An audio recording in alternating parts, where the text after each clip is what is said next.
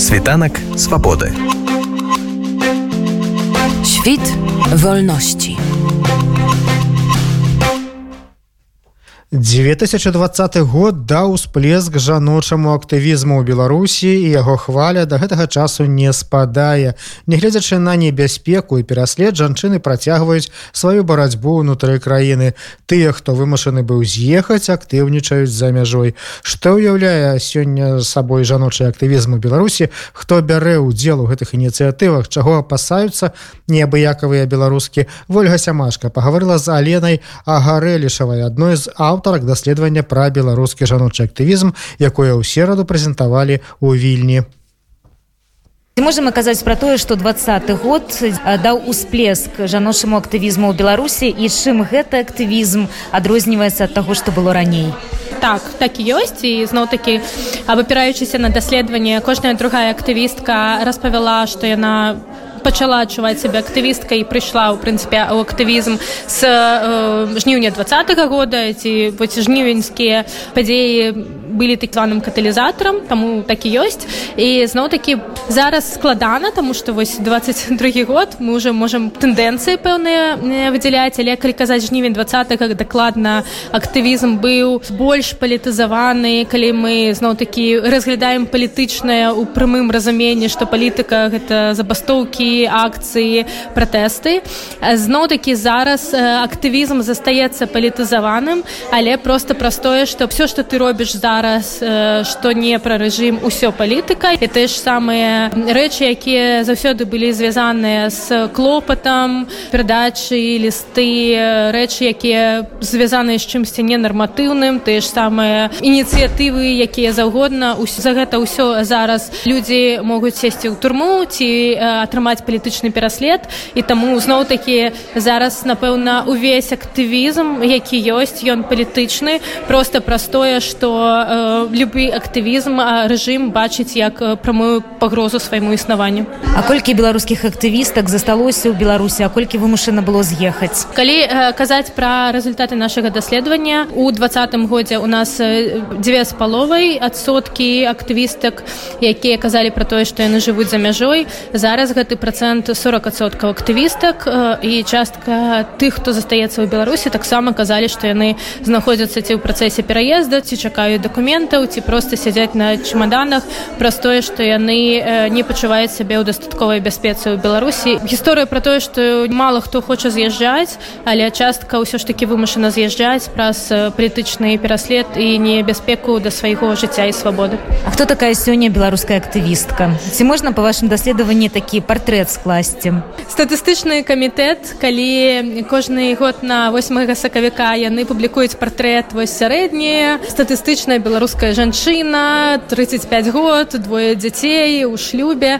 Но вось самае цікавае што пра беларускую актывістку мы такое насамрэч на шчасце мы не можемм такое сказаць Таму што калі казаць ты же самы напрыклад узрост то кожная ўзроставая кагорта пачынаючы з там з 25 до 55 60 супольнасці усе нашыя амаль раўнацэнна колькасна прадстаўленыя кагорты то бок гэта можа быць жанчына самага рознага ўзросту зноў такі як мы кажам амаль палова на палову 60 на 40 это як бы жанчына якая адной ногой стаіць у беларусі другой ногой дзе-небудзь у польшчы ці ў літве дзе-небудзь яшчэ яна часткова ў шлюбе часткова не таму што ў нас зноў такі каля 50соткаў любя жанчыны э, часткова не у я часткова ёсць дзеці по той же самой прычыне а яна адначасова займаецца усім як большасць не толькі беларускіх актывістак але і беларускіх жанчын у прынцыпе. Ад э, трох до пяти напрамкаў разнастайнай актывісцкай дзейнасці.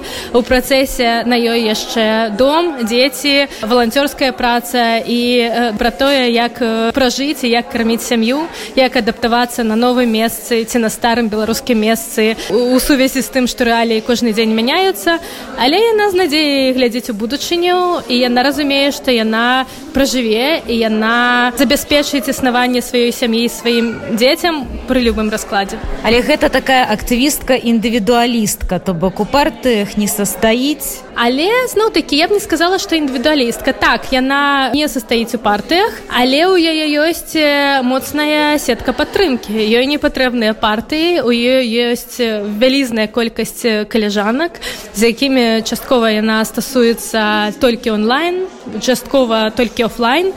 Яна не робіць дзейнасць адна. Яна адна з тысяч таких жа беларусак раскіданых па свеце але якія за гэты час выработалі механізм як рабіць рабіць дастаткова эфектыўную міжнародную дзейнасць э, разам і па адзіночцы адначасова беларуская актывістка гэта такая актывістка хуткага рэагавання так? То бок гэта хутка адрэагаваць на існуючыя праблемы і потым пераключыцца на іншую дзейнасць Ну там што няма часу разважаць што я зрабіла пакуль я хутка рэагую гэта значыцца што тая дзейнасць якую я мусіла рабіць тут і зараз яе ніхто не зробіць за мяне тому что мне збольшага няма на што разлічваць акрамя сябе і таму я просто ўсё чакаю пакуль я не зраблю тое што я просто не магу не рабіць по па чалавечых паказчыках а потым я буду рабіць тое што чакала мяне да гэтага. Будь то праца аплочваемая ці праца па хаце і я вельмі сціплая насамрэч ну, беларускія актывісткі яны вельмі сціплыя і часткова жанчыны якія запаўнялі наши даследаванні яны казалі дзякую вам за гэтае даследаванне і гэта насамрэч вельмі вялікая сацыялагічная дзіва што людзі свой час на гэта ўсё ахвяруюць і потым табе за гэтае дзякуюць таму што яны кажуць ну пэўныя пытанні вельмі заставілі мяне задумацца і адрэфлексаваць сваю дзейнасць тому што пакуль вы не задалі мне пытанне а сколькі ўсяго я раблю і колькі часу я на гэта трачу я нават не ўсведамляла як шмат я раблю і як шмат я на гэта трачу.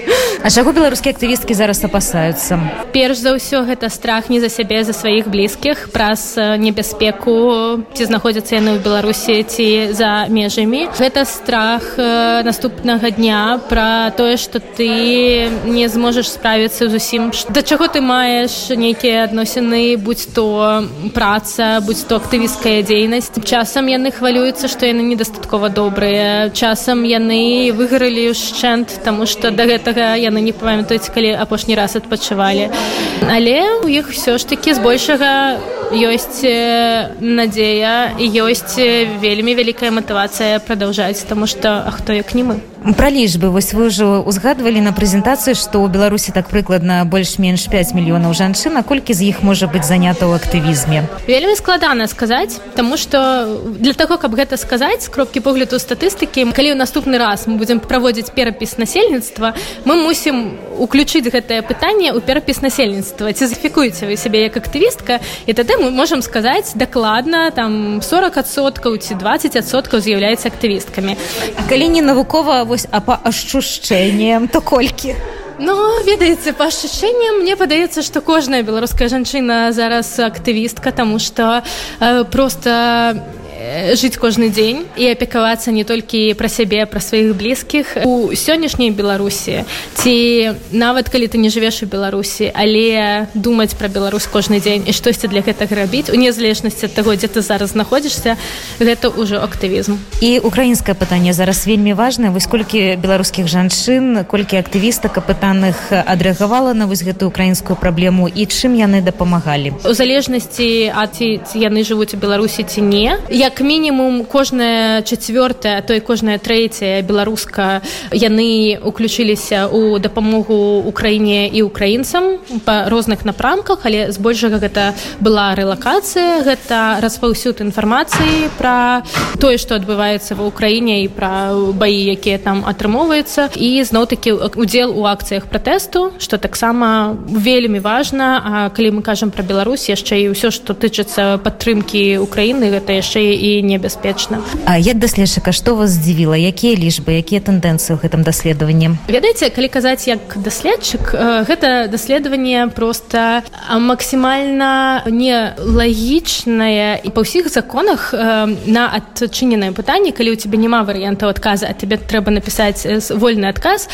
на іх горш за ўсё адказваюць і звычайна адказваюць адну-дзве фразы тому што ў людзей час яны не жадаюць выдаткоўваць свой час немаведама на што амаль ніхто не запаўняе каментары ў канцы калі ты адказаў на ўсе пытанні і апошняе ну і напішыце нам што-небудзь. І звычайна людзі такія ну не хачу я вам нічога пісаць. Скажыце дзякуй што я не закрыла гэтую форму дзесьці на сярэдзіне і кажучы пра гэтае даследаванне каля 30соткаў людзей дакладна пісалі гэтыя каментары напрыканцы. Частка з іх было ўражанне што усе гэтыя пытанні якія мы ім задавалі яны нешта ўзрушылі у іх унутры і яны жадалі з гэтым падзяліцца і гэта былі цэлыя гісторыі якія напісалі ў каментарах. Вельмі было шмат каментароў дзе людзі дзякавалі нас за тое што нам цікава іх меркаванне про тое што мы не пакінулі іх з гэтым актывізмам немаведама дзе ў беларусі. Нам дакладна цікава А што вы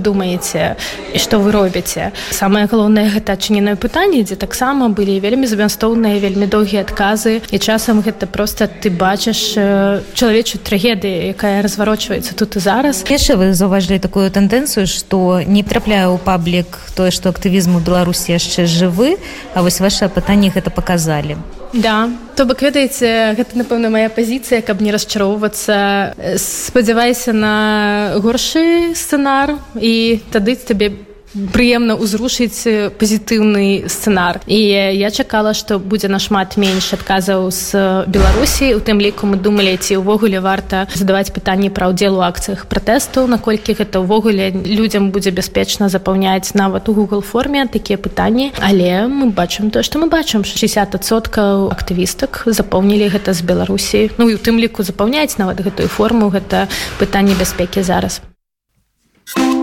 Світанак свабоды. Świt wolności.